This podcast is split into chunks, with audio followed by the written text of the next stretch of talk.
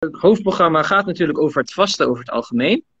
Ik zal beginnen met een korte intro over het islamitische vasten en waarom we dit bespreken. Daarna gaan we eigenlijk over op twee hoofdonderwerpen. Een stukje vasten en gezondheid. En met ook uh, de voordelen uh, met wat er gebeurt in je lichaam. Ook op ziekteniveau. Want vandaag gaan we niet alleen hebben over het vasten, maar ook over gezondheid aan zich.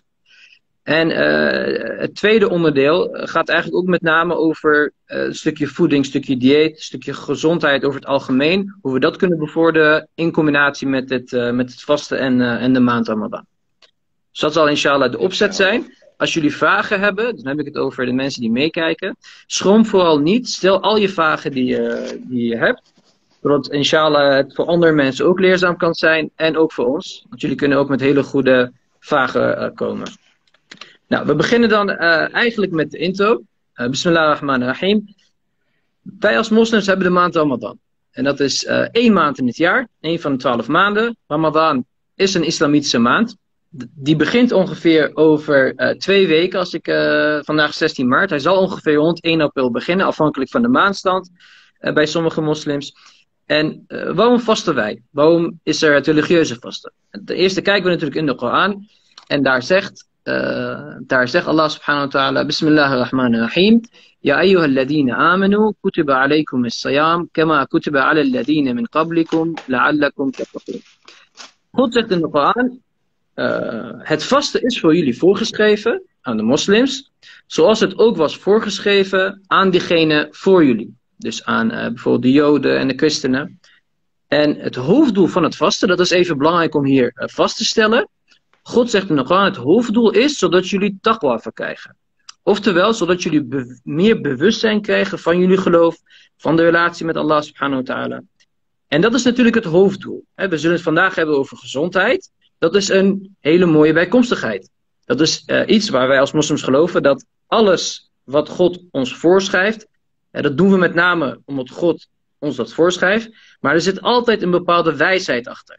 En die wijsheid gaan we vandaag onderzoeken met betrekking tot de gezondheid.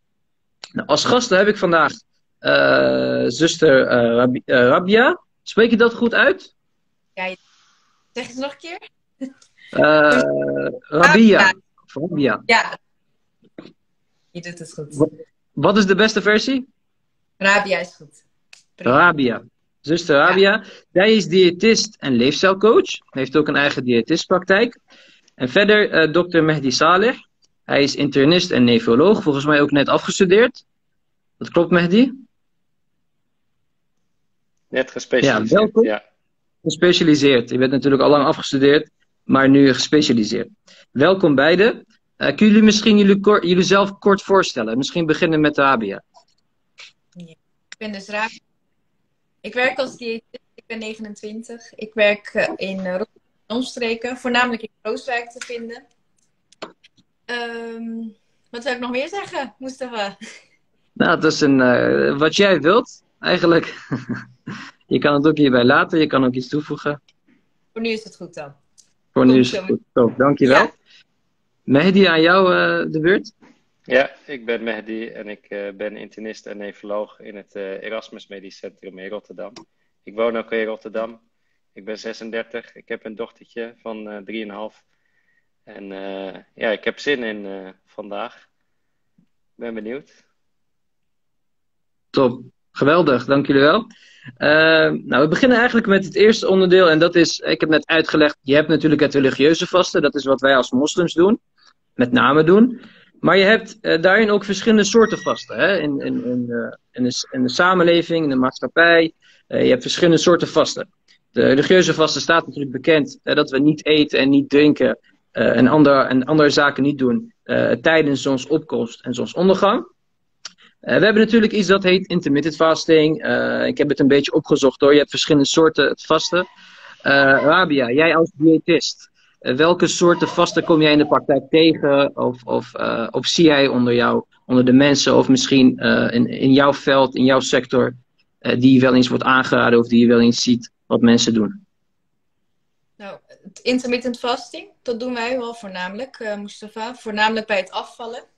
En dan zien we het niet als een specifiek dieet bij het afvallen, maar meer voor lichaamsherstel.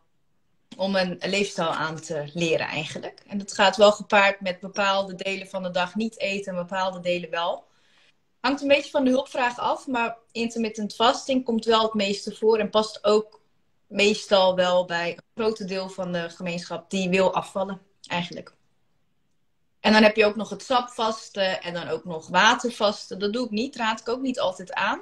Maar er zijn wel mensen die het gewoon doen, af en toe wel uh, één keer per jaar, twee keer per jaar die het wel doen. En dan hebben we natuurlijk ook onze reguliere uh, vasten. Dat komt er ook aan. Ik werk voornamelijk met mensen die ook meedoen met de Ramadan. Die begeleid ik ook altijd tijdens de Ramadan. Sommige mensen willen niet aankomen tijdens de Ramadan, uh, afvallen. Juist gebruik maken zodat ze toch nog een beetje energie kunnen krijgen. Het is voor iedereen anders, maar ik kan je wel zeggen dat we de Ramadan ook een beetje gebruiken om het afvalproces een beetje op gang te laten brengen. Of tenminste voor te zetten eigenlijk voor de cliënten die al eerder waren begonnen. Um, deze twee zijn wel de voornaamste vaste methoden die we gebruiken op de praktijk, inderdaad. Ja, wat goed. En ook uh, goed, ik denk dat jij binnen jouw praktijk ook met name tenminste, je zal vast ook uh, verschillende soorten mensen uh, hebben. Maar het feit dat jij dus ook een, een bepaalde populatie aan moslims hebt, dat is wel mooi dat jij dat integreert binnen jouw werk, denk ik. En, en hoe staan de mensen daarvoor open als jij dat met hun bespreekt? Dat zeg maar het vaste, los van Ramadan, ook, ook bij kan dagen aan hun gezondheid? Die snappen het niet altijd. Denken van oké, hoe ga ik dan vasten? Want het is precies het tegenovergestelde wat wij dan gewend zijn. Met intermittent vasten eet je dan gedurende de dag en eh, stop je met eten bijvoorbeeld rond een uur of vijf, zes, zeven. Hangt een beetje van de situatie af. En dan denken ze van, oké, maar ik ben eigenlijk niet aan het vasten, maar het is wel het vasten. Daar zal misschien Mehdi wel wat over vertellen zometeen, wat precies met ons lichaam doet. Maar uh, je zorgt ervoor dat je je lichaam eigenlijk een beetje aan het resetten bent, zodat je giftige afvalstoffen uit je lichaam kan verwijderen door deze methode toe te passen ga het nogmaals zeggen, het geldt niet voor iedereen. Bijvoorbeeld mensen met uh, diabetes type 1, 2, zwangere vrouwen bijvoorbeeld, die doen het niet. Soms wel, maar niet altijd. Um, maar ze kijken er wel tegenop, kan ik je zeggen, Mustafa. Meestal gaat het ook in één keer aan. Het is niet een specifiek dieet, eerlijk gezegd. Uh, daar ben ik niet echt de voorstander van, dat ze een specifiek dieet moeten gaan volgen. Maar dit past wel bij een gezonde leefstijl. Daar ben ik wel uh, bewust van.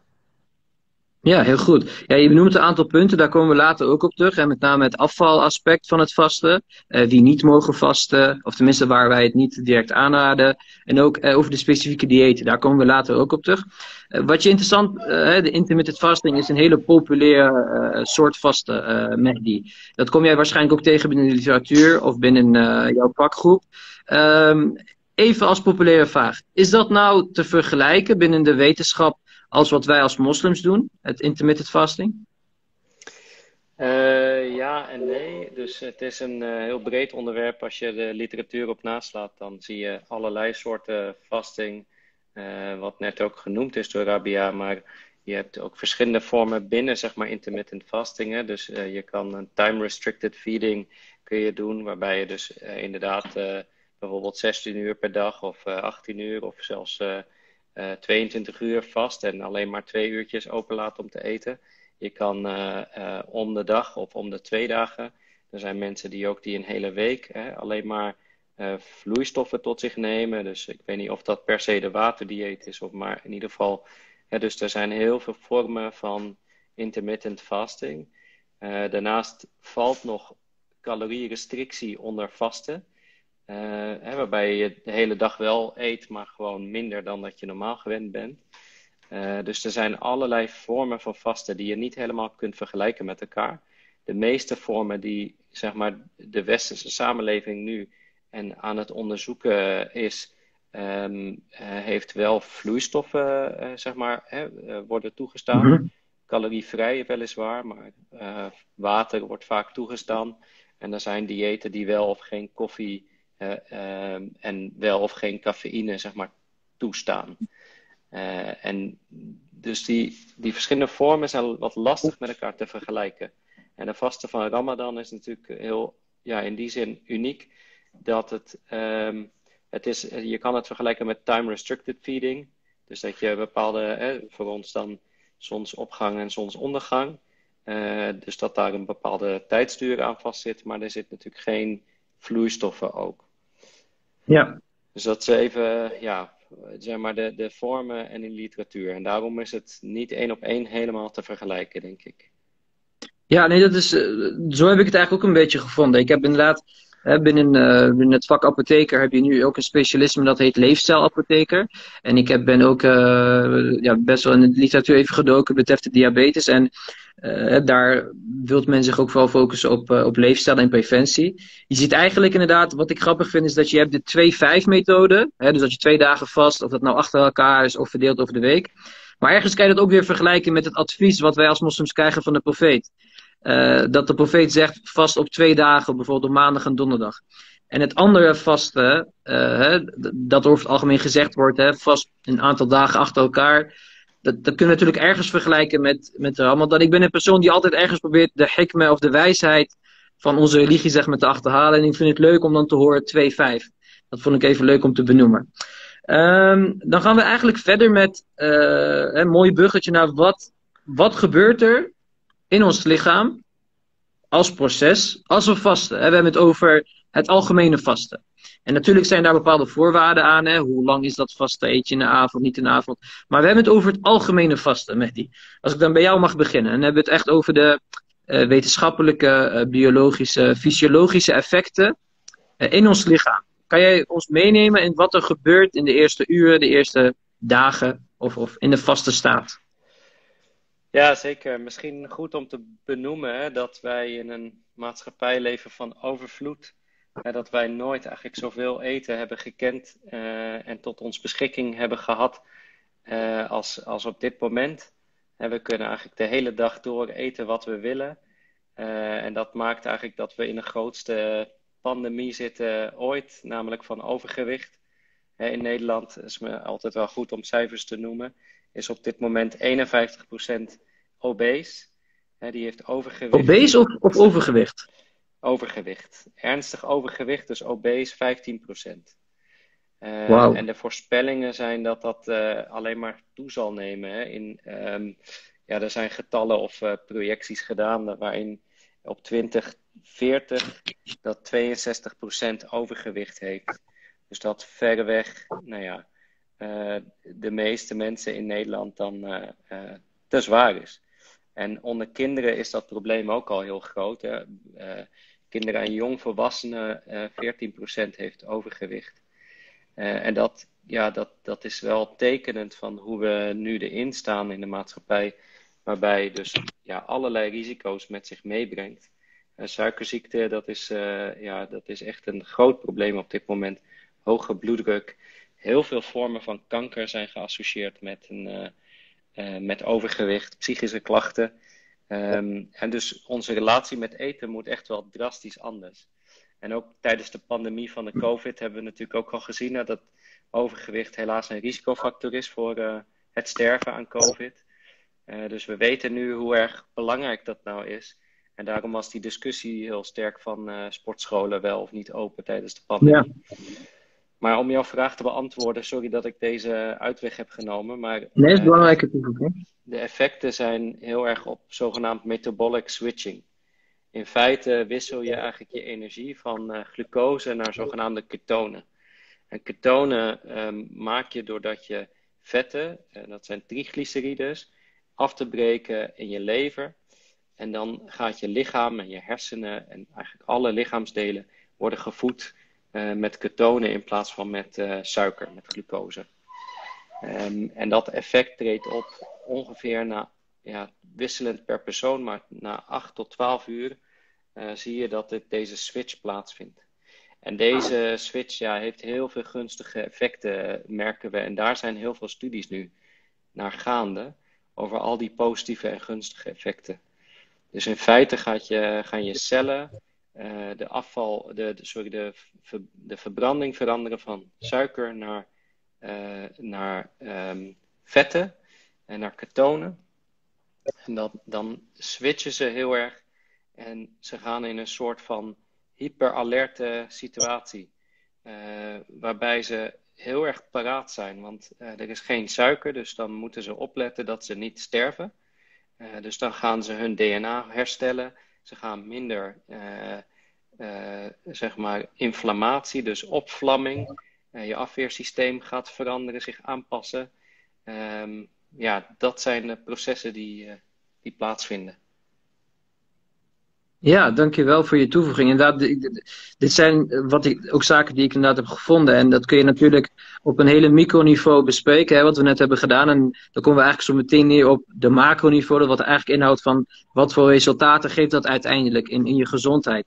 Uh, Rabia, als wij kijken naar bij jou in de praktijk, Jij hebt vast ook uh, uh, ja, wat onderzocht, hè? deels ook vanuit jouw kennis, over wat nou de effecten zijn. Hè? Hebben we het nu over de resultaten? Mehdi had het net over wat er exact in je lichaam gebeurt op detailniveau, microniveau. Als we het nu wat meer uitzoomen op macroniveau, wat voor, uh, hè, wat voor ja, echt fysieke resultaten zien we bij mensen die, die, die vasten? Dan hebben we het over de voordelen. Misschien kan je daar ook wat over zeggen. Bedoel je dan vasten met intermittent vasten of gewoon vasten over het algemeen een maand lang? Nou ja, inderdaad, wat we net hebben besproken is, we bespreken eigenlijk vasten als, als concept, als proces in je lichaam. En uh, daarin is het lastig inderdaad om te zeggen, is het nou intermittent fasting, is het uh, vasten op lange termijn. Maar we proberen het, uh, ja, intermittent fasting is misschien wel een algemeen iets, omdat dat in de wetenschap aangehaald wordt. Dus dan houden we hierbij intermittent fasting aan als we het hebben over vasten. Oké, want er zijn wel heel veel mensen die vasten gewoon tijdens de Ramadan-periode, maar die dan echt helemaal niks veranderen. Er zijn zelfs mensen die aan kunnen komen, dat is weer een heel ander verhaal. Maar als het nu gaat om intermittent vasten, als we dat inzetten als leefstijlinterventie, dan zien we dat mensen zich meestal wat energieker voelen, veel gelukkiger voelen. Want het is niet alleen iets wat je lichaam, ook ons brein gaat vooruit. Hè? We voelen ons gewoon veel gelukkiger er is meestal een periode, meestal drie, vier dagen, bij sommige mensen ook wel wat langer, dat ze heel veel hoofdpijn ervaren, maar daarna dus ze energie. Je ziet ze wat uh, smaller worden in omvang. En als ze het goed doen, als ze de juiste voedingsstoffen binnenkrijgen, dan uh, zo dat ze juist vet verliezen in plaats van spiermassa. Vandaar dat ze zich dan ook wel. Uh, lagere hartslag, lagere bloeddruk, cholesterolwaarden die dalen. Ehm, gewoon alle waarden in hun leven verbeteren ook. Dat zie je ook. Je kan het niet direct zien misschien, maar bij bloedonderzoek daar komt ook wel voor, naar voren. Dat zien we ook op de praktijk. Mits aan een bepaalde voeding voldoen. Hè? Dat ze wel voldoende krijgen. En niet zeggen van ik ben aan het vast, ik eet de hele dag niks. En dat ze op het einde van de avond een zak chips opgooien. Dat is een heel ander verhaal. Dan vasten ze wel, maar dan zullen ze er niks van merken. Maar als ze de juiste voedingsstoffen binnenkrijgen gedurende de dag, op de tijdstippen dat ze mogen eten, zie je echt wel veel verschil. Inderdaad. Omvang, gewicht, uiterlijk. Ja, wat interessant. Even hele korte opmerking. Want ik krijg een aantal opmerkingen dat uh, mensen zeggen dat je geluid mogelijk hapert. Ik weet niet, uh, ik, ik heb dat net ook een beetje vernomen, maar op zich is dat af en toe inderdaad. Ik weet niet of, of je iets kan doen met je internetverbinding. En anders was het, uh, ja. En anders was het over het algemeen wel goed hoor. Alleen op een paar momenten was het uh, kleine hapering. Um, ja, verder op, op, wat je zegt inderdaad. Ik denk een heel mooie aanvulling. Zeker hè, over het algemeen als je ziet over de bloedonderzoek. Dat vond ik wel interessant wat je zegt. Je ziet zeker een, een daling van de cholesterolwaarde, van de bloedsuiker. En daarin eigenlijk ook ter aanvulling, hè, wat ik ook in de apotheek, als apotheker dan ook kan aanvullen, is ook dat ik heel erg zie dat in het onderzoek uh, ook aangegeven wordt het voordeel wat het is op, op de chronische aandoening, op hart- en vaatziekten, op diabetes. Ja, diabetes is natuurlijk een en al een probleem met insulineresistentie. Dus dat insuline niet op de ja, beste manier uh, functioneert binnen ons lichaam. En daardoor uh, hè, glucose niet goed opneemt, waardoor de glucosewaarden over het algemeen in het bloed heel erg hoog zijn. Nou, wat het vaste eigenlijk doet, is de insulineresistentie verminderen. Dus het, zorgt ervoor dat insuline gevoeliger wordt, effectiever wordt. En daardoor dus ook mogelijk dat diabetes uh, uh, kan verminderen. Ik las bijvoorbeeld een onderzoek vanuit het LUMC. Dat ze bezig zijn met binnen, de, binnen vele huisartspraktijken patiënten te includeren. Om dus inderdaad te kijken of je dus diabetes en de waarde daarvan in het bloed. Dan hebben we het over de HbA1c-waarde, glucosewaarde. En eventueel metforminegebruik, een van de belangrijkste medicatie voor diabetes of dat inderdaad uh, verminderd kan worden. Wat ik ook interessant vond, en dat las ik uh, op de website van het Erasmus MC. Dus ik weet niet of je dat ook hebt uh, gelezen, Mehdi. de invloed op de darmflora. Ik heb gelezen dat, ehm, dat door, door het vasten, dat bepaalde vormen van bacteriën die butyraat produceren in de darmen. En dat zijn over het algemeen bacteriën die niet direct eiwitten of koolhydraten nodig hebben. En wanneer die dus groeien, wanneer die uh, toenemen in aantallen, dan zorg je eigenlijk ervoor dat, je, dat het een verbetering is op het immuunsysteem. Dus dat is waar Mehdi het over had, over de ontsteking, over de lever, uh, over de bloedsuiker. Maar je ziet ook dat het na een maand, dat die invloeden weer weggaan. Hè, dus als we stoppen met vasten, dat ze weer weggaan. Dus het is inderdaad, ook hè, wat jij zegt, Rabia, het gaat over het algemeen over leefstijl. Hè. Het, is, is iets heel moois dat wij in een maand lang kunnen werken aan, aan onze gezondheid. Maar wat interessant is, wat jij zegt is, je kan wel hè, vasten, hè, over Ramadan vasten, het religieus vasten. Maar het gezondheidseffect kan dus helemaal niet aanwezig zijn als wij niet letten op onze voeding. Klopt. Klopt dat? Ja, eigenlijk wel. En, Het hangt er vanaf Ja. met vasten verbreekt, wat je daarna doet, tot aan het moment dat je dan niet mag eten.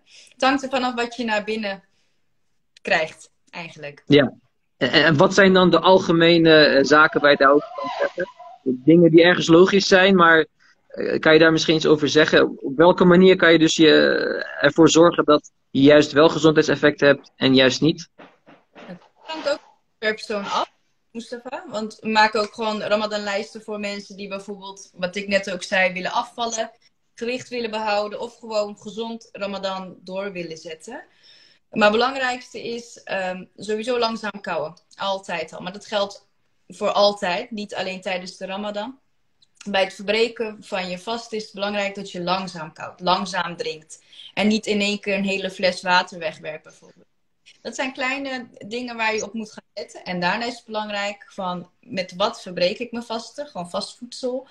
En dan moet je opletten dat het meer eiwitten bevat dan de koolhydraten, suikers zelf. Die heb je ook nodig, maar niet als hoofdbestanddeel. Daar moeten wij een, ehm, hoe noem je dat? Een balans vinden. En dat is ook weer per persoon afhankelijk. Er zijn heel veel cliënten die zeggen van ik kan niet vast omdat ik suiker. Maar juist je suikers, je suiker beter als je vast. Maar daar komen we zo meteen nog op terug, denk ik. Ja, ja dankjewel. Misschien, Eh, zijn- misschien een, een wedervraag aan Rabia. De studies laten eigenlijk zien dat je Ja. relatief weinig afvalt als je eh, intermittent fasting doet. De studie, Eh, ja, de, de studies. Dus de studies naar intermittent fasting laten zien dat je weinig afvalt qua Ja. lichaamsgewicht. Lichaamssamenstelling gaat wel eens eh, veranderen. Ik denk dat jij, jij doet natuurlijk gecombineerde leefstijlinterventie. Dus jij doet ook. veel meer interventies dan alleen het vasten. Mhm. Eh, hè, dus desondanks zijn al die positieve invloeden. Het is misschien goed om te benadrukken dat je dus de positieve invloeden niet per se met het afvallen te maken hebben. Eh, dus je hoeft niet af te vallen om ja, al deze gunstige effecten waar we het net over hadden, waaronder insulineresistentie, Mhm. eh, te zien. dat maar ik denk dat jij een algehele aanpak natuurlijk doet, hè, dus op meerdere vlakken. Ja, op het eh, moment dat ik dus de GLI toepas, dat werk als leefstijlcoach, is het wel afvallen. Want dat zijn meestal mensen met een BMI van 30 of hoger. Maar het vak inhoudelijk, als ik werk als diëtist, dan gaat het niet alleen om het afvallen, maar dat is meer. Er waren vandaag vrouwen aanwezig hoe zij eh, het beste konden eten met menopauze bijvoorbeeld. Het heeft niks met het afvallen te maken, maar meer op- oppakken eigenlijk. Maar zoals ik zei, als ik het werk als leefstijlcoach doe, doe ik het meer voor het afvallen. Reguleren van een, eh, tenminste, hoe noem je dat? precies? Eh, de gedachtegang achter voeding veranderen bij mensen. Precies. Veel dan het afvallen alleen. Ja. ja, en ook heel Nee, erg de- gedacht, hè, denk ik. eh, Nee, dus dat is, dat is wel heel bijzonder eigenlijk. Hè? Dus al die muizenstudies bijvoorbeeld en dierenstudies die zijn gedaan, eh, die gunstige effecten laten zien. Ja. Eh, daarin krijgen de, de dieren krijgen evenveel voeding. Mhm. Dus dat is het hele ja, magische hiervan. Je, je verspreidt het in plaats van de hele dag over de hele dag heen. Geef je die dieren alleen maar twee uurtjes of, of, hè, of één uur dezelfde hoeveelheid voeding. Mhm. Dus ze eten evenveel calorieën. En dan zie je toch dat hun levensduur toeneemt. Eh, in sommige studies 20, soms 60 procent. Ja. Dat En is, dat ze langer leven. En dat ze heel veel, nou ja, gunstige dingen zien daarvan. Dus uh, alle genoemde uh, dingen. Uh, en daar hoort ook zelfs betere sportprestaties. en steeds meer weten we ook dat de verbranding van ketonen voor de hersenen ja, heel veel gunstige effecten ook heeft op je, bijvoorbeeld op je werkgeheugen, op het geheugen. Uh, maar ook op, op, ja, neurocognitieve ziektes, dus Alzheimer, uh, dementie. Dat het was, waarschijnlijk allemaal beschermt tegen deze ziektes. Dus dat is echt ontzettend interessant uh, hoe, nou ja, dus alleen maar voedingstijdrestrictie, hè? want dat is niet hoeveelheid calorieën. Ja, ik zeg ook altijd tegen mijn cliënten, met het vast gaat bijvoorbeeld, dat het niet om het afvallen gaat, dat interpreteert als ik ga intermittent fasting doen, ik ga afvallen, dan heb je het goed mis. Het gaat meer om het processen versnellen andere processen de tijd gunnen. Want als je de hele dag door aan het eten bent, want er zijn ook mensen die zeggen: ik moet elk uur wat eten, anders gaat het niet goed met mij. Maar dan gun je je lichaam eigenlijk niet de tijd om andere processen uit te voeren in je lichaam. Heel simpel uitgelegd ook aan de cliënten zelf. En als ze dat wel doen, dan zie je dat het gevoel uh, beter gaat. Um, tenminste, de productie van insuline, dat gaat allemaal beter. Als je dat probeert te vertellen aan de cliënt, dan pas dringt het door. Van het gaat niet om het afvallen, maar meer proces ook. Er zijn ook uh, die zeggen van, ik eet de hele dag niks, maar ik kan dat wel in de avond gaan inhalen met, weet ik veel, koekjes. Dan kom ik ook niet aan de calorieën. En dan moet je weer gaan uitleggen waar het wel om draait. Pas wordt het begrepen, inderdaad. Het is een lastige situatie om het uit te leggen. Maar als je het eenmaal door hebt, dan. Uh, ja, en anekdotisch misschien goed om te zeggen voor degene die allemaal weten wat uh, insuline en hoeveelheden. Uh, een van onze patiënten een keer had insulinebehoefte van 320 eenheden per dag. En dat zijn monstereenheden, dat is echt ongelooflijk veel. Uh, en die hebben we opgenomen en een paar dagen laten vasten. En wat je hm. zag is dat, ze, dat die ja, van 320 naar, ik weet niet exact meer, maar naar iets van 30 eenheden. Dus iets van wow. 10 keer minder insuline nodig in een paar dagen tijd. dat is echt, echt heel sterk, dat effect. Ja, ik heb heel veel cliënten die af zijn van metformine tabletten. Echt, dus gewoon niet normaal. Ja, dat zie ik in principe ook in de praktijk. Uh, als apotheker, als ik dan een eerste uitgifte heb, zoals dat heet. Dus mensen die halen voor het eerst uh, medicijnen op ik, ik ben iemand die graag dan ook een verhaal bij vertelt. Hè? Dus als er mensen komen uh, die, die ja, duidelijk te kampen hebben met overgewicht. En die voor het eerst een metformine krijgen, die voor het eerst een bloeddrukverlager krijgen. Het onderzoek blijkt ook, als je bijvoorbeeld 10 tot 20 kilo gedurende de tijd af kan vallen, dan heb je eigenlijk, kan je zo één tablet wegstrepen. Kan je zo een bloeddrukverlager wegstrepen. Kan je zo je metformine dosering of verlagen of wegstrepen. Dus hè, vooral met type 2 diabetes natuurlijk, zien we gewoon dat het omkeerbaar is. En ik denk dat daar ook heel veel studies op dit moment uh, op uitkomen. Niet alleen inderdaad hè, voor het afvallen, waar wij altijd aan denken, maar zeker gewoon aan die interne processen. Die eigenlijk ervoor zorgen dat onze organen gewoon langer kunnen blijven functioneren. Want als wij natuurlijk continu heel erg zoethoudende producten tot ons nemen, dan zorgen we eigenlijk voor dat het, fabriek, de fabriek wat insuline produceert, eigenlijk gewoon moe wordt. Uh, je, je put het gewoon uit. En dat is ook een van de redenen waardoor diabetes of de hele metabole ziektes eigenlijk eerder uh, uh, komen. We hebben drie aantal vragen. We moeten het een beetje leiden, want, want het is super interessant. de eerste vraag is aan Rabia. Wat zijn over het algemeen de oorzaken dat mensen aankomen tijdens de maand Ramadan? Je had het net al benoemd, maar kan je hier kort en bondig aan, antwoord op geven? Hm. Het is net, Mustafa, één. Te veel eten, te snel eten. Dat mensen grote hoeveelheden binnen korte tijd naar binnen werken eigenlijk. En door blijven eten tot het moment dat ze eigenlijk niet. Er zijn echt heel veel mensen die gewoon opblijven om zoveel mogelijk te kunnen eten. Alsof ze iets aan het inhalen zijn, dat snap ik niet. Maar dat is toch dus ook gedrag veranderen. Um, dat is de voornaamste reden, Mustafa. Dus niet bewuste keuzes maken uit producten waar je wel uit kan kiezen eigenlijk. Suikerrijk producten. Hoeveel ja. bijvoorbeeld op een tafel allerlei soorten koekjes staan tijdens de baklava staan.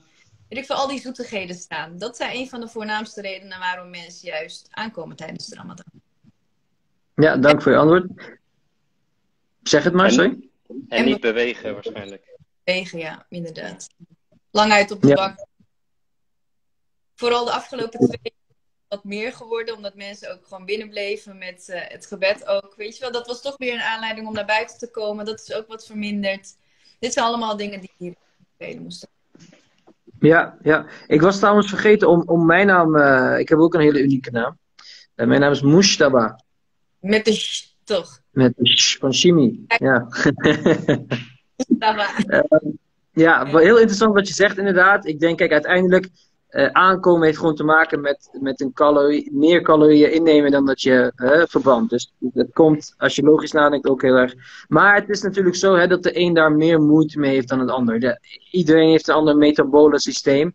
Dus bij de een kunnen we zeggen, het ligt echt aan je voedsel. En bij de ander ligt er echt wat anders. En dan moet je echt langs Rabia voor een eh, afspraak en een, eh, en een eh, plan, denk ik.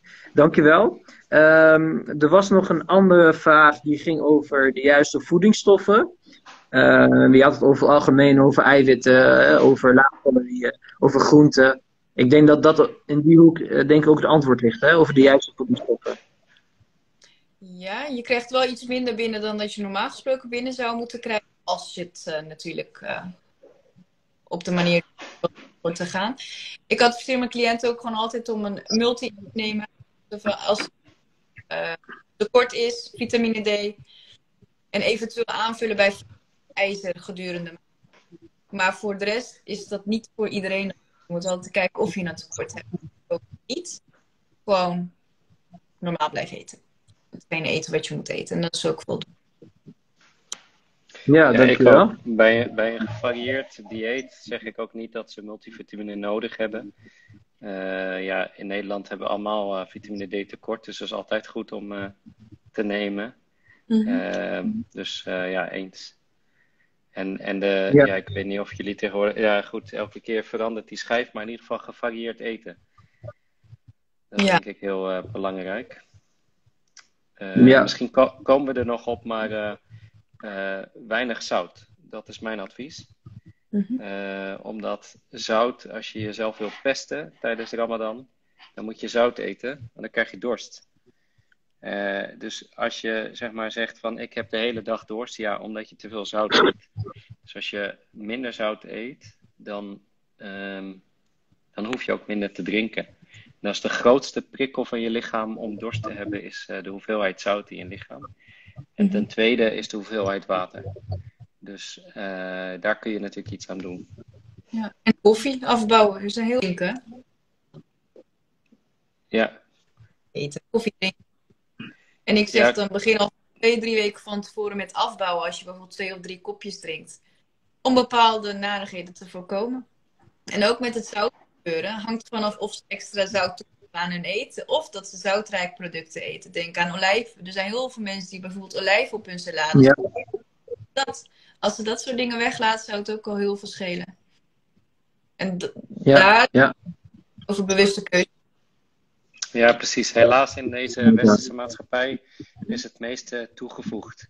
Ja. Ik denk dat wij tijdens de Ramadan ja, als maatschappij wel, of als moslimmaatschappij moet ik zeggen, wel meer thuis koken. Dus dat we wel iets verser eten eh, dan de gemiddelde, zeg maar, eh, door de weekse dag. Eh, dus, ehm, dus, het- dus dan ligt het aan jezelf inderdaad. Dan kun je minder toevoegen zout. Ja, helemaal gelijk inderdaad. Ik heb zelf ook eigenlijk nooit de behoefte om tijdens Ramadan bijvoorbeeld een chipszak op te eten of iets. Of, of wat meer, eh, dat soort dingen. Ik denk dat we dat, eh, naarmate we dat ook eh, afbouwen of, of ja, simpelweg die behoefte, die craving over het algemeen wel afneemt. We kunnen craving krijgen inderdaad in de meest gekke dingen zoals pindakaas. Dat je denkt van, kan ik maar weer een, een broodje pindakaas hebben. Maar ik denk dat je, dat heel de bedoeling van Ramadan hè, in het Die islamitische craving heb ik nooit. eh, Nee, ik moet zeggen, ik heb in de ochtend altijd mijn brood pindakaas haji en mijn koffie.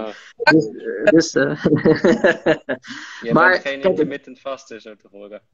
nou, ligt eraan, soms wel, soms niet. Maar terugkomend op de inhoud. kijk, het religieuze vasten, de bedoeling daarvan is dat je natuurlijk ook wat meer invloed hebt op je bewustzijn. Hè? Zoals Sigmund Freud, het benoemd heeft. De id van jouzelf, van jouw nefs, van jouw ziel. En dat is eigenlijk de gedeelte die, waaruit de dierlijke lusten komen. Hè, waaruit je eigenlijk geen controle meer hebt over jouzelf. Een van de doelen van de Ramadan, hè, om meer taqwa te verkrijgen, om meer ja, geloof op een bepaalde manier dat te verbeteren, is om meer controle te hebben op de zaken die normaal gesproken wel mogen, eten en drinken. Dus je temt je temt je dierlijke instincten, zodat buiten de maand Ramadan, hè, diegene, de dingen die normaal gesproken niet mag doen, dat je daar meer controle op hebt. Dus ja, mede ook hè, controle op jouw nefs, op jouw ziel. Uh, eigenlijk ook controle op die snacks. Controle op de patatje met heel veel mayo. Die je normaal gesproken wel wilt nemen. Dus hopelijk dat wij uit deze maand dat ook kunnen verkrijgen. Uh, om even nog een paar vragen te beantwoorden zodat we doorgaan. En binnen de tijdslimiet blijven. Uh, er is een vraag gesteld, uh, Mehdi, over hoe kan je ervoor zorgen dat je tijdens het vasten uh, meer vetverlies krijgt in plaats van verlies aan spiermassa. Voordat ik die vraag aan jou stel, het is een beetje contradictory, want eigenlijk heb jij net gezegd, tijdens de maand Ramadan, of tenminste tijdens het vasten, spreken we juist onze lichaamsvet aan als brandstof. Ehm, maar heel veel mensen die sporten, die normaal gesproken naar de fitness gaan, die zien ook een afname in spiermassa. Kan jij daar misschien iets meer over vertellen? Zeker. Ik, ja, ik, ik weet niet of degene die het vroeg ook een sporter zelf is. Uh, er zijn hele mooie studies, uh, of er zijn studies gedaan uh, naar voetballers die uh, tijdens de Ramadan maand vasten. Um, en die hebben ze een, nou ja, een gezond dieet met dus een diëtist hebben ze die gegeven. En ze hebben gekeken wat het doet op de sportprestaties. Ze hebben gekeken naar vetmassa en naar spiermassa. En wat zagen ze? Ze zagen afname in vetmassa. Ze zagen toename in spiermassa. En ze zagen dat de prestaties hoger waren, beter werden. dus het is een fabel dat je spiermassa verliest. Kijk, je verliest zeker spiermassa als je gaat zitten de hele maand Ramadan en niks gaat doen en denkt van ik moet zo min mogelijk bewegen, want anders verlies ik al mijn spiermassa. Dat moet je juist niet doen. Je moet je spieren juist aanspreken, je moet juist bewegen uh, en je moet gewoon goed en gezond eten in de avondeten. Je hoeft het niet te compenseren met meer eiwitten, uh, want uh, die eiwitten die zul je niet allemaal opslaan. je, je, eigenlijk onze normale dieet, gezonde dieet, daar zitten genoeg eiwitten in. Wat wel helpt is de eiwitten niet dierlijk te maken, maar meer plantaardige eiwitten. En die worden iets minder goed opgenomen in je, in je darmen, maar dat zijn wel de gezonde eiwitten die je kunt nemen. En daar krijg je minder dorst van, mooi genoeg. Dus ik, ja, ik kan diegene geruststellen dat je gewoon geen spieren verliest, zolang je in beweging blijft. Ja, ja, dus in essentie zorgt dat vasten niet voor spierafname, juist voor meer verbranding van de vet. En het is het feit dat wij ja, niet gaan fitnessen en het feit dat wij überhaupt niks aan spiertraining doen. En dat is eigenlijk de reden dat we spiermassa verliezen, niet per se door het uh, vasten. Ja, ik zag um, nog iets voorbij komen van wanneer kan ik dan het beste sporten? Klopt. Daar is op zich niet meteen een goed antwoord op. Ik denk zelf, maar dat weet ik niet helemaal zeker. Ik denk zelf dat je net voor het ontvasten, dat dat een logisch moment is. Omdat je daarna uh, vooral vocht, zeg maar, wat je verliest, meteen kan aanvullen. Um, en dan ben ik even, nu spreek ik even naar degene die ja, jong en gezond verder is. Hè? Mensen die wat ouder zijn, uh, wat fragieler en misschien sommige medicijnen gebruiken, die moeten daar extra op letten. Met name uh, de vochthuishouding. Maar daar kunnen we het zo meteen nog over hebben van uh, welke ziektes en welke medicamenten. Ja, daar gaan we het eigenlijk ook direct over hebben. Want wat jij zegt, ik, ik ben zelf ook voetballer, altijd gevoetbald. En ik vind de periode voor, voor de iftar, een uur van tevoren, ook ideaal. Want als je dan thuis komt, je lichaam is eigenlijk al volledig op het staat van het vasten. Dus het is voor mij makkelijker dan in de ochtend. Nadeel van in de ochtend is dat je de hele dag nog dorst hebt.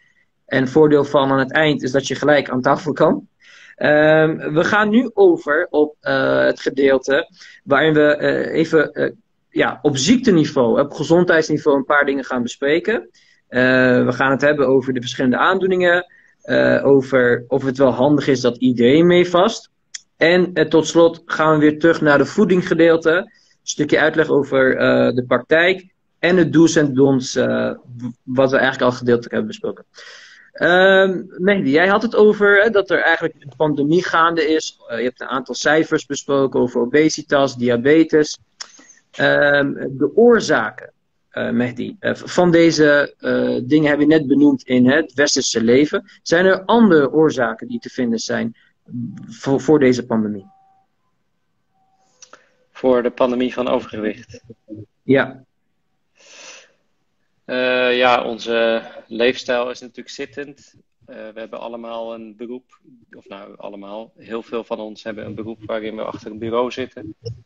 Het nieuwe zitten is het, uh, of het zitten is het nieuwe roken, moet ik zeggen. dus dat zal zeker bijdragen. Daarnaast eten we natuurlijk heel anders.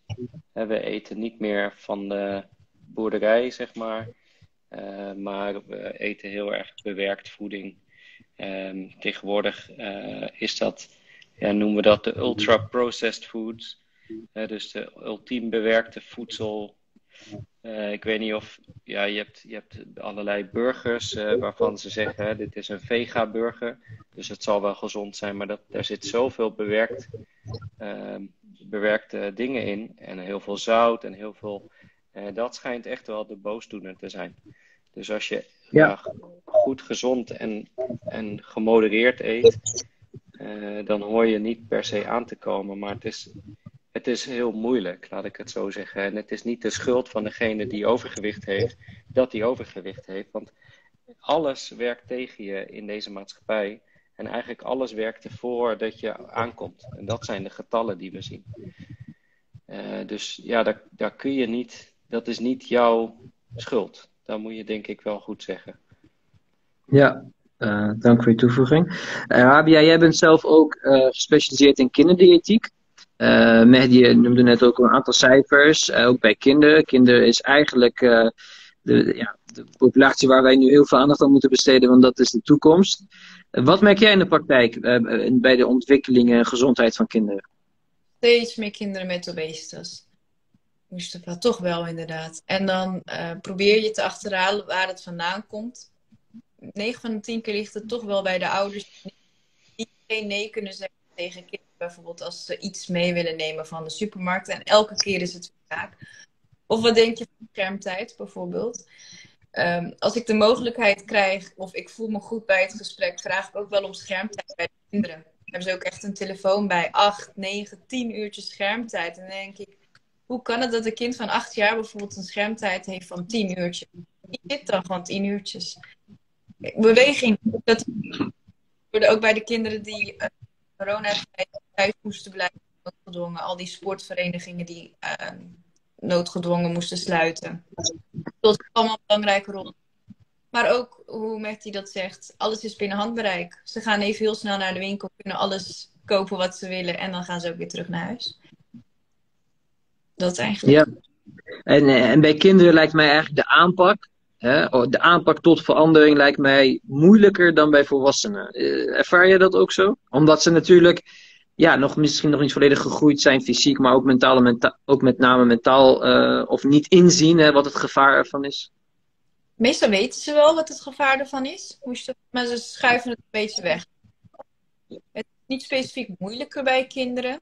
Of uh, dat het wat makkelijker is bij kinderen, helemaal niet. Maar dan moet je kijken hoe een beetje buigen. Of de ouders hier wel zin in hebben, ja of nee.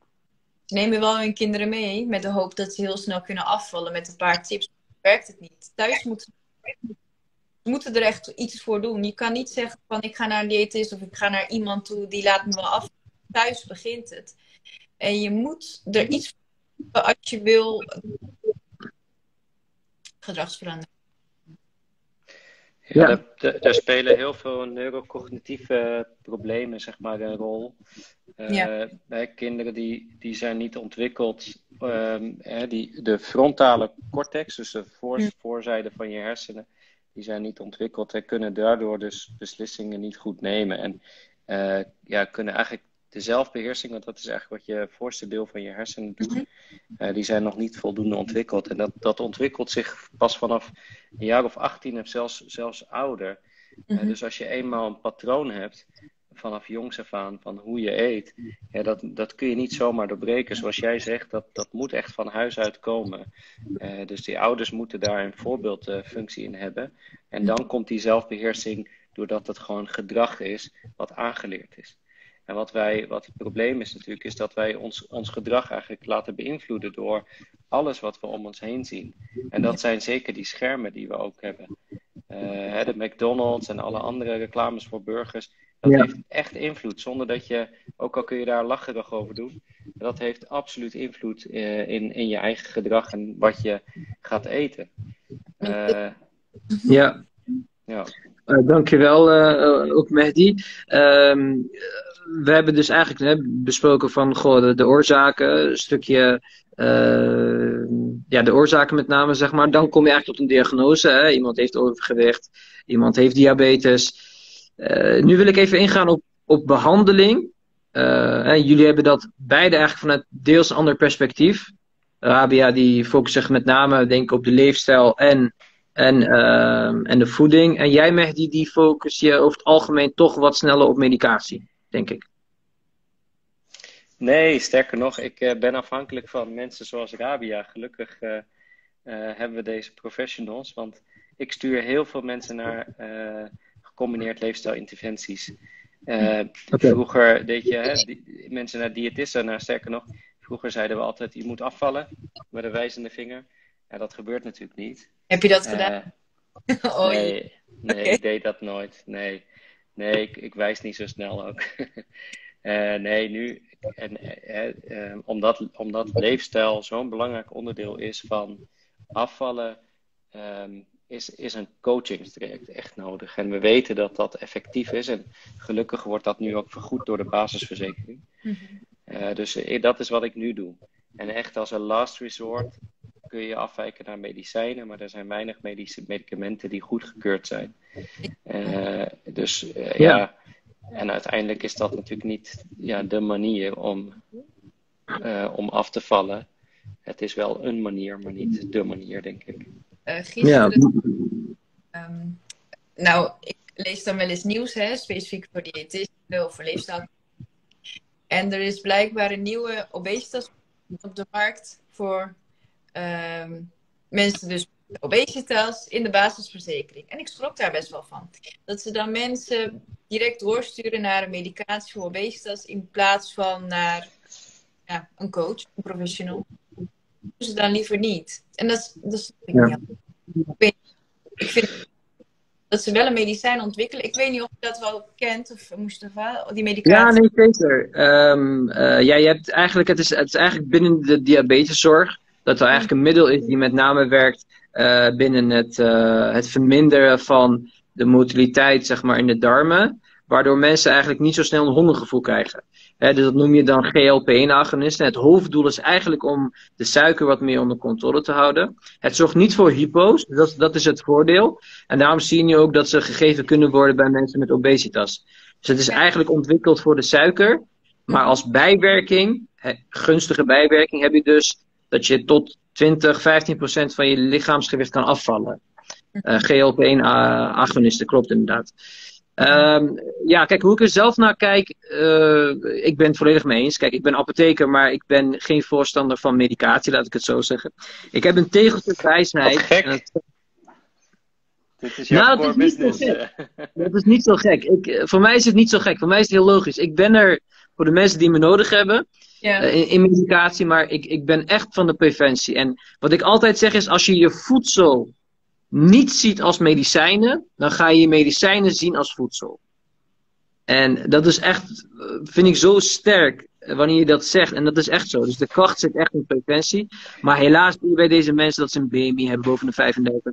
En dat ze ja, de motivatie niet kunnen hebben om af te kunnen vallen. En, en dan, is, dan vind ik het ergens wel gerechtvaardigd om te zeggen voor die specifieke groep mensen die, die je niet zo snel terug ziet gaan naar een BMI van de 2025. Daar denk je van oké, die kunnen dan wel uh, dat soort medicatie gebruiken. Ehm, je hoopt dat dat tijdelijk is, maar helaas zien we uit onderzoeken dat mensen die stoppen, omdat zij niet veranderen in gedacht, toch weer aankomen. Dus vroeg of laat hangt alles samen met, uh, met gedachtsverandering, uh, Rabia. En, en, daar wil ik nu ook wat, wat meer ehm, ik zie, zie, ik zie voor me eigenlijk dat, dat, dat mensen met een recept naar jou toe komen bij je apotheek en dat je zo'n zo'n kist van fruit en groenten aan ze geeft en zegt nee, nee. Dat is letterlijk wat ik van plan ben. Ja, ik, ik, ik wil eigenlijk een samenwerking aangaan met de supermarkt. Als mensen komen met een bepaalde aandoening, dat ik dan ook wat wortels, wat paprika's en wat fruit voorschrijf. En dat is eigenlijk waar ik naar uh, toestreef. Uh, ook met uh, het zijn van een leefstijlapotheker is dat je dan dat ook deels, deels met samenwerkingen, zoals mensen als Rabia, mensen als, als jij, Mehdi, dat we daarnaar moeten streven. Ik, ik denk dat dat de gezondheidswinst is die we met z'n allen kunnen halen. Beste me ja, Mehdi, ja. Wij, hebben, wij zitten al redelijk goed op tijd. Ik wil nog zo'n max 20 minuten doorgaan. Waarin ik het volgende wil bespreken. We kunnen van alles bespreken, maar ik wil nu heel specifiek het volgende bespreken. Mag iedereen meevasten? Mehdi, uh, we gaan uh, een korte QA houden. Waarbij we proberen om kort antwoord te geven. Voor welke mensen is het niet handig om mee te vasten, Manny? Uh, ja, je mag niet meevasten als je zwanger bent. Zowel islamitisch gezien als wetenschappelijk gezien is dat geen goed idee. we weten dat het ongeboren kind daar heel veel last van heeft. dus daar heeft ons islam ook ons voor beschermd. Of tegen beschermd. Uh, mensen die oud en fragiel zijn, die mensen die ziek zijn, die moeten niet vasten. En daar zijn hele goede redenen voor. Um, ik denk dat mensen die medicijnen gebruiken, hè, niet per se niet mogen vasten. Maar er zijn medicijnen waar, je, waar het niet handig is om, om te vasten. En dat zijn met name medicijnen, die kun jij zelf ook heel goed uitleggen, die je op vaste tijden moet nemen. Uh, twee keer per dag medicatie die liefst niet gespreid worden tot uh, vast en ontvast tijd, zeg maar. Uh, daarnaast is het zo dat, ja, suikerziekte hebben we het heel veel over gehad. Er zijn uh, mensen die dat heel goed kunnen en waar het heel effectief bij is. Maar er zijn mensen die bijvoorbeeld een hypo niet goed voelen aankomen. dus mensen die, waarvan de suiker niet goed gereguleerd is of mensen die een hypo-unawareness hebben, ja, dat, daar, dan is het niet handig om te vasten. Dus ik kijk eigenlijk op individueel basis. En ik denk dat de samenvatting, want er zijn heel veel ziektes waar je heel specifieke adviezen over kan geven. Maar ik denk mhm. dat de, de basis is dat jouw arts dat kan vertellen aan je. En als je twijfelt, vraag dan een andere arts of vraag mij. Uh, hè, dan kunnen we eens kijken van, is dat handig in jouw specifieke geval om te vasten of niet?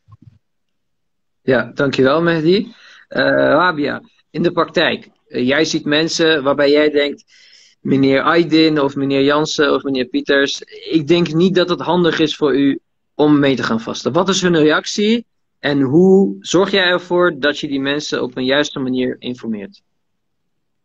Bij mij is het meest andersom mensen dan zelf aankomen met ik niet vasten. En in sommige gevallen zeg ik het zelf. Bijvoorbeeld mensen met een BMI, ondervoeding. Um, dan geef ik wel aan, is het wel verstandig om wel of niet te vasten. Ik zal nooit zeggen, jij mag niet vasten of jij moet gaan vasten. Dat is meestal met het verhaal van mijn cliënt zelf.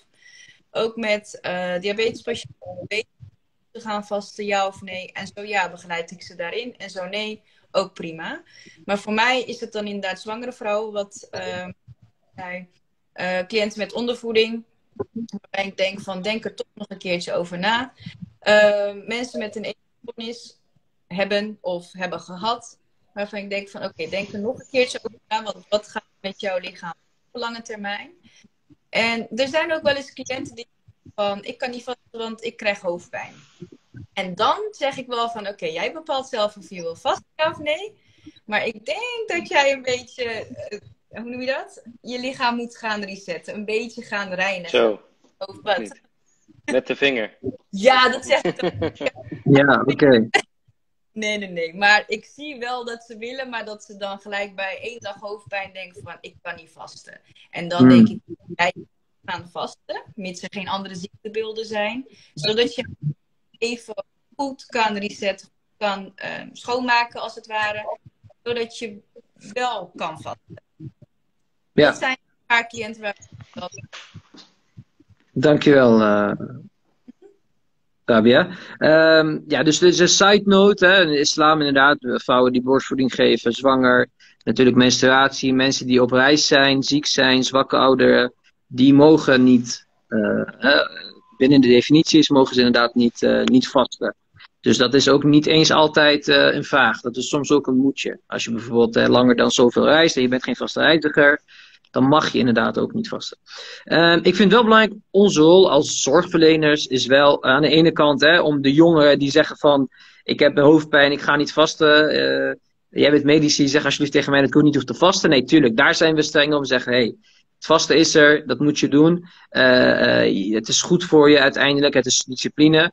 Maar ik merk toch bij mezelf in mijn gemeenschap mensen die vaak hè, diabetes hebben en toch, en toch een beetje koppig zijn, mee willen vasten, die druk, sociale druk voelen. En daar vind ik wel dat wij een, een verantwoordelijkheid hebben om aan te geven, jongens, als zorgverlener adviseer ik je mogelijk om toch heel goed uit te kijken. Zeker diabetes, uh, diabetes, mensen met diabetes, mensen met andere aandoeningen. Kijk, betreffend medicatie, wat ik daarover kan zeggen is, gebruik jij bepaalde medicatie wat soms aangepast kan worden, ga vooral naar de apotheker, naar de apotheek toe, want er zijn soms andere toedieningsvormen. Zo zijn er bijvoorbeeld vormen wat een vertraagde afgifte heeft. Heb ik het over bijvoorbeeld pijnstillers? Heb ik het over andere soort medicatie? Je hebt ook andere vormen van insuline, uh, die ook uh, wat langer voort kunnen houden. Dus in, ga in gesprek met zorgverleners, met een apotheker, met je huisarts, met je internist, om te kijken wat mogelijk is. Dus soms kun je aanpassingen doen in medicatie. Uh, maar soms bijvoorbeeld is er bepaalde medicatie die met voedsel ingenomen moet worden. Dan is het niet handig om dat direct in te nemen. Sommige medicatie moet je op een nuchtere maag innemen, zoals bijvoorbeeld voor de schildklier. Ja, dan kan je, dat kan je eigenlijk niet passen binnen, binnen de Ramadan. Dat is heel erg lastig. Dus dat vind ik belangrijk. Uh, dank daarvoor.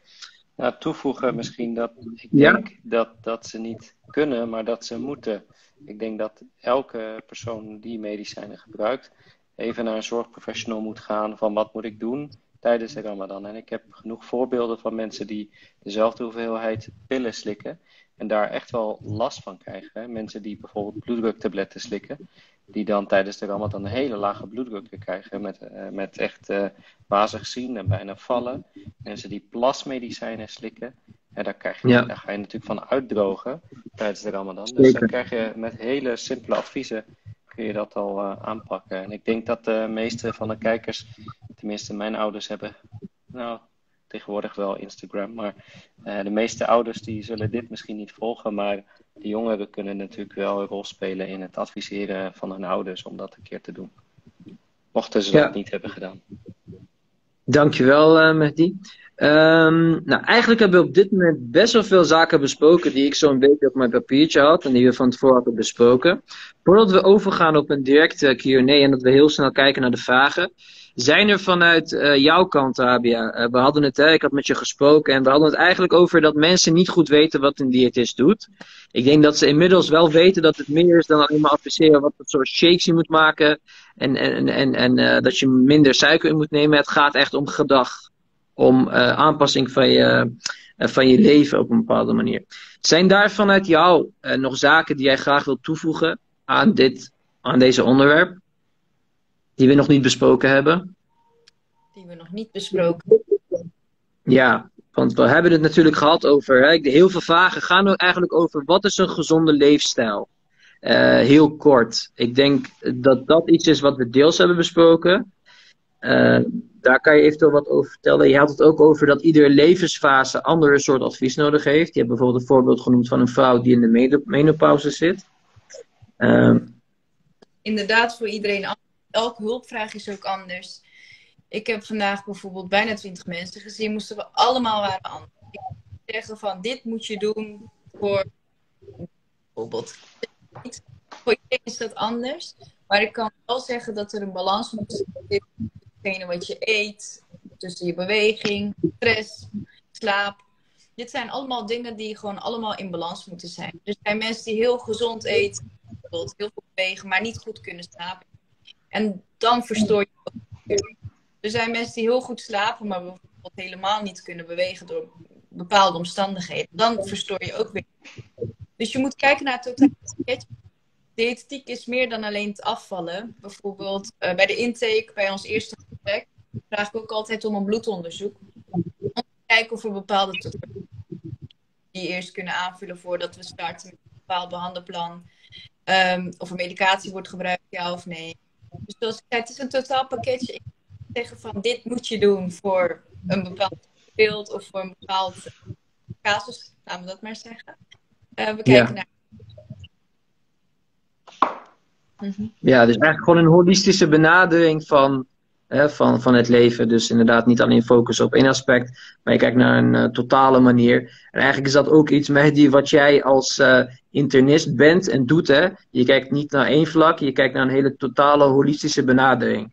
Is er vanuit jouw holistische benadering als internist nog iets wat jij bij wil dragen aan, uh, aan, aan deze discussie? Altijd binnen, uh, binnen de tijd. Als je daar iets, uh, iets wil aangeven wat wij nog niet hebben besproken. Ja, want, wij, want jij hebt, wilde natuurlijk ook heel, graag, heel graag spreken over hè, op ziekteniveau. We hebben het wil, uh, deels daarover gehad. Ik wil graag spreken over alles. Je kent mij inmiddels misschien, toch? Tuurlijk. en, we, en dit, dit, dit, dit zal zeker een, een, gevolg, een vervolgsessie hebben, dus dat komt goed. Inshallah. Ja. Nou, kijk, ik, ik denk dat het van belang is dat te zeggen dat, uh, hè, dat overgewicht bijvoorbeeld en, en, gezond leven, dat dat, een, ja, dat, dat een, een probleem is. En dat probleem multifactorieel is. Dus heel veel soorten artsen, heel veel soorten zorgprofessionals, die zijn nodig om dit probleem aan te pakken. Maar daar, weet je, wij zijn een beetje, hoe zeg je dat? Downstream. Wij zijn het laatste, wij zien de overgewicht al. Dat, daar gaat het al, zeg maar, dat is fout. Dus het, het probleem is natuurlijk veel hoger. Het probleem zit in um, mensen die geen geld hebben om groente en fruit te eten. Weet je, te kopen. Omdat het gewoon duurder is dan de McDonald's om de hoek, bijvoorbeeld. Het probleem zit op politiek niveau. Het probleem zit op armoedeniveau. Het probleem is veel groter dan wij zeg maar, kunnen oplossen. En wij kunnen uh, zeg maar, dweilen met de kraan open met wat we aan het doen zijn. Maar het probleem moet echt van alle facetten aangepakt worden. En dat, dat begint met zeg maar, de, ook al de politiek, denk ik, die een hele grote rol hierin speelt. En ik denk dat wij dat ook al moeten aankaarten. En ik vind Ramadan vind ik een maand van bezinning en van simpliciteit. Terwijl we eigenlijk de mooiste gerechten op die maand, in die maand koken. Ik denk dat jullie dat allemaal zo herkennen. Mm dus uh, ja, we moeten ook voor ogen hebben van wat we willen bereiken met Ramadan. Uh, en dat is niet uh, lekker eten, zeg maar. Dat is discipline, zelfdiscipline. En daar hoort denk ik ook een simpelere maaltijd bij. Ja, ja. En ik denk dat deze sessie ook hè, een stukje kennis, een stukje kennis uh, zorgt voor macht. Maar dat wij nu beseffen dat we eigenlijk ook, los van de spiritualiteit, heel veel kunnen halen uit gezondheidswinst. Maar als wij inderdaad hè, op de klassieke culturele manier uh, omgaan met Ramadan, dat we helaas uh, ja, zoiets, zo'n grote gezondheidswinst niet kunnen halen. Dus hopelijk is dat iets. Een tip voor mij is, en daar is een overlevering van een profeet, die ik altijd gebruik, die zegt, als mensen zeggen eet, eet, eet, want mensen zien het als belediging als je niet alles opeet. Ik zeg altijd, de profeet zei, vul een derde van je maag met vocht, een derde van je maag met voedsel en hou een derde van je maag over voor lucht om te kunnen ademen. Dus ik zeg, ja, ik moet naar de profeet luisteren, dus ik moet nu echt stoppen met eten. Dat is iets wat ik altijd gebruik. Uh, wij gaan nu even snel uh, door de vragen die gesteld zijn zodat wij inshallah iedereen uh, met een goed gevoel uh, deze sessie kunnen eindigen. Dus ik hoop dat jullie kort en bondig kunnen zijn met jullie uh, antwoorden. We hebben nog een vraag, als ik helemaal naar boven ga, mashallah, er zijn heel veel mensen die mee zijn doen. De eerste vraag, waarin iemand zegt ook over stress. Sommige mensen hebben het over, we hebben het gehad over bewerkte voeding, sommige mensen hebben het over salade. Uh, en, en, en mensen hebben het over vochtbehoefte, uh, Rabia. En iemand geeft aan, hoe kan het dat ik 2 tot 3 liter vocht nodig heb tijdens Ramadan? En Mehdi had het over zout. Kan jij daar iets meer over vertellen? Hoe het kan dat mensen, sommige mensen, zo'n grote vochtbehoefte hebben? Dan moet je even nagaan of dat altijd zo is. Ja of nee? En inderdaad, wat voor keuzes maken ze waardoor ze een grote vochtbehoefte Op zich tijdens de Ramadan is anderhalf prima. In sommige gevallen is dat wat. Maar stel je voor, je salami soorten, bewerkte rare soepjes, weet hoe noem je dat, maaltijd. Als je daar te veel van ook ervoor zorgen dat je iets koffiebehoefte hebt dan normaal. Of koffie bijvoorbeeld, iets meer koffie. Kan ervoor zorgen dat het vocht onttrekt, waardoor je meer aan vocht, aan water. Oké. Dus het zit dan met name hè, in, die, in de bepaalde voedingsstoffen die je daarnaast neemt, zout, koffie, cafeïne, die logischerwijs gewoon zorgen voor osmose, oftewel aantrekking van mhm. water uit je lichaam eigenlijk. Ja, dankjewel. Mehdi, iemand vraagt, is het een fabel dat mensen zeggen dat als je niet veel vet hebt, je lichaam spiermassa daarin plaats van zal verbreken? En zo ja, hoe kan je dit voorkomen tijdens de marathon? Dan zijn het over mensen die over het algemeen uh, lage BMI hebben. Kan je daar antwoord op geven? Ja, zeker. Ja, daar hoef je niet bang voor te zijn. Iedereen heeft vet. Dus heel zeldzaam dat mensen geen vet hebben. Dat zijn, um, daar zijn hele zeldzame ziektes waar mensen geen vet hebben. Uh, dus ook dat kleine beetje vet, dat kun je prima verbranden. Uh, het is wel zo dat als je heel slank bent, als, je dat, als dat bedoeld wordt, dat je kan afvallen. Uh, en ik zou zeggen, dan moet je even advies inwinnen bij een diëtist. Die je kan begeleiden tijdens de Ramadan. Wat voor voeding en welke voedingsbestand, welke voeding je het beste kan innemen om niet verder af te vallen. Ja, want hier, hier wordt dus heel specifiek gezegd. Ik denk dat het uh, bewijs van een persoon is die over het algemeen niet veel vet, niet laag vetpercentage heeft, bewijzen van. Tenminste, daar gaat het theoretisch over. Gaat het lichaam dan spiermassa afbreken in plaats van vet? Nee. Oké, dus het antwoord is, is hierop nee eigenlijk. Het antwoord is nee. En wat ik net zei, heel veel mensen zijn bang om af te vallen, dus ze gaan niet bewegen. Dan ga je spiermassa van kwijtraken. Oké, duidelijk. Dus is waardig gezien... Dankjewel, uh, Mehdi. Ik kom zo bij Rabi over advies uh, wat dan te eten daarin. Uh, Mehdi, nog een korte vraag aan jou. Is wazig gezien ook een symptoom van een schommelende bloedsuikerspiegel? Als je geen suikerziekte hebt, dan uh, schommelt je bloedsuiker tussen de 3,5 en 6 tijdens de Ramadan. Dus dat is van laag naar normaal, zeg maar, waarde. En je krijgt geen hypo.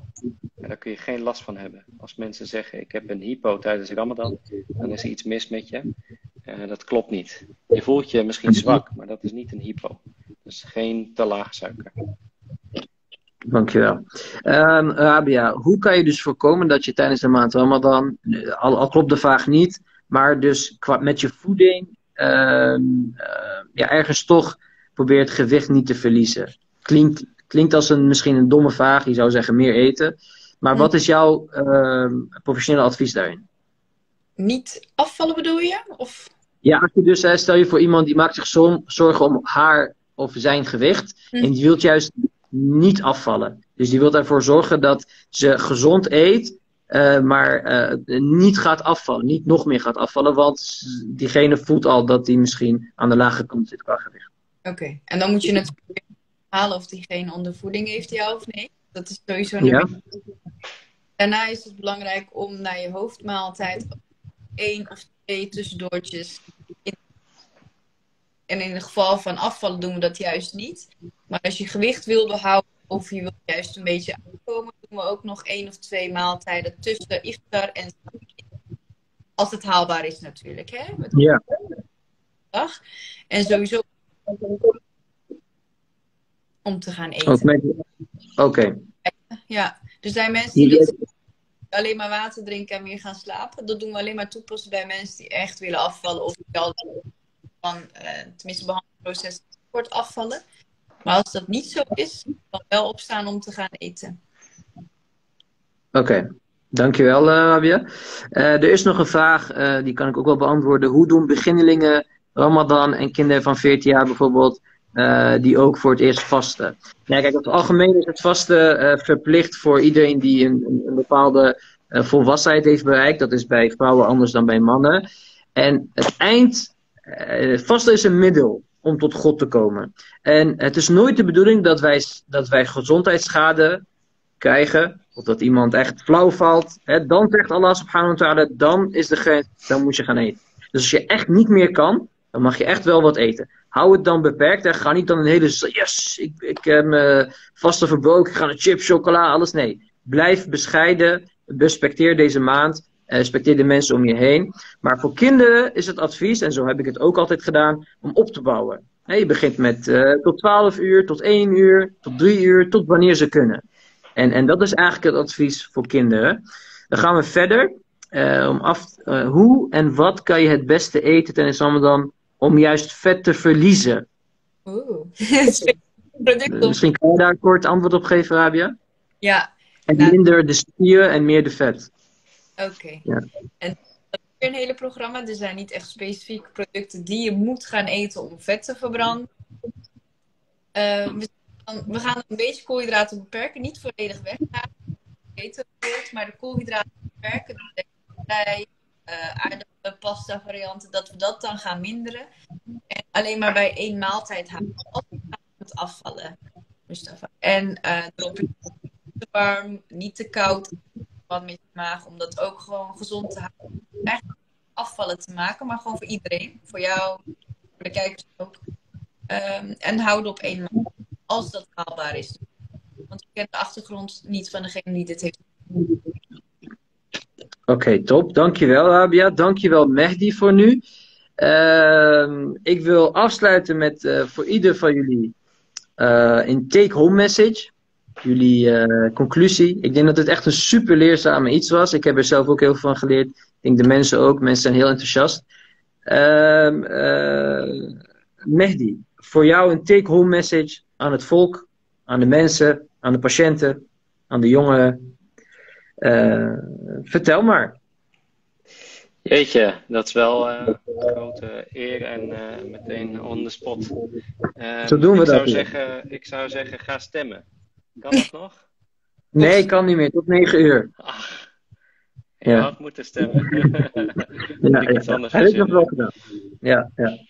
Nee, maar Nee, dat ik kan denk- ook een niet onderwerp zijn natuurlijk. Nee, ik denk, ik denk eh, ehm, dat je vaste eh, moet zien in het geheel, zeg maar.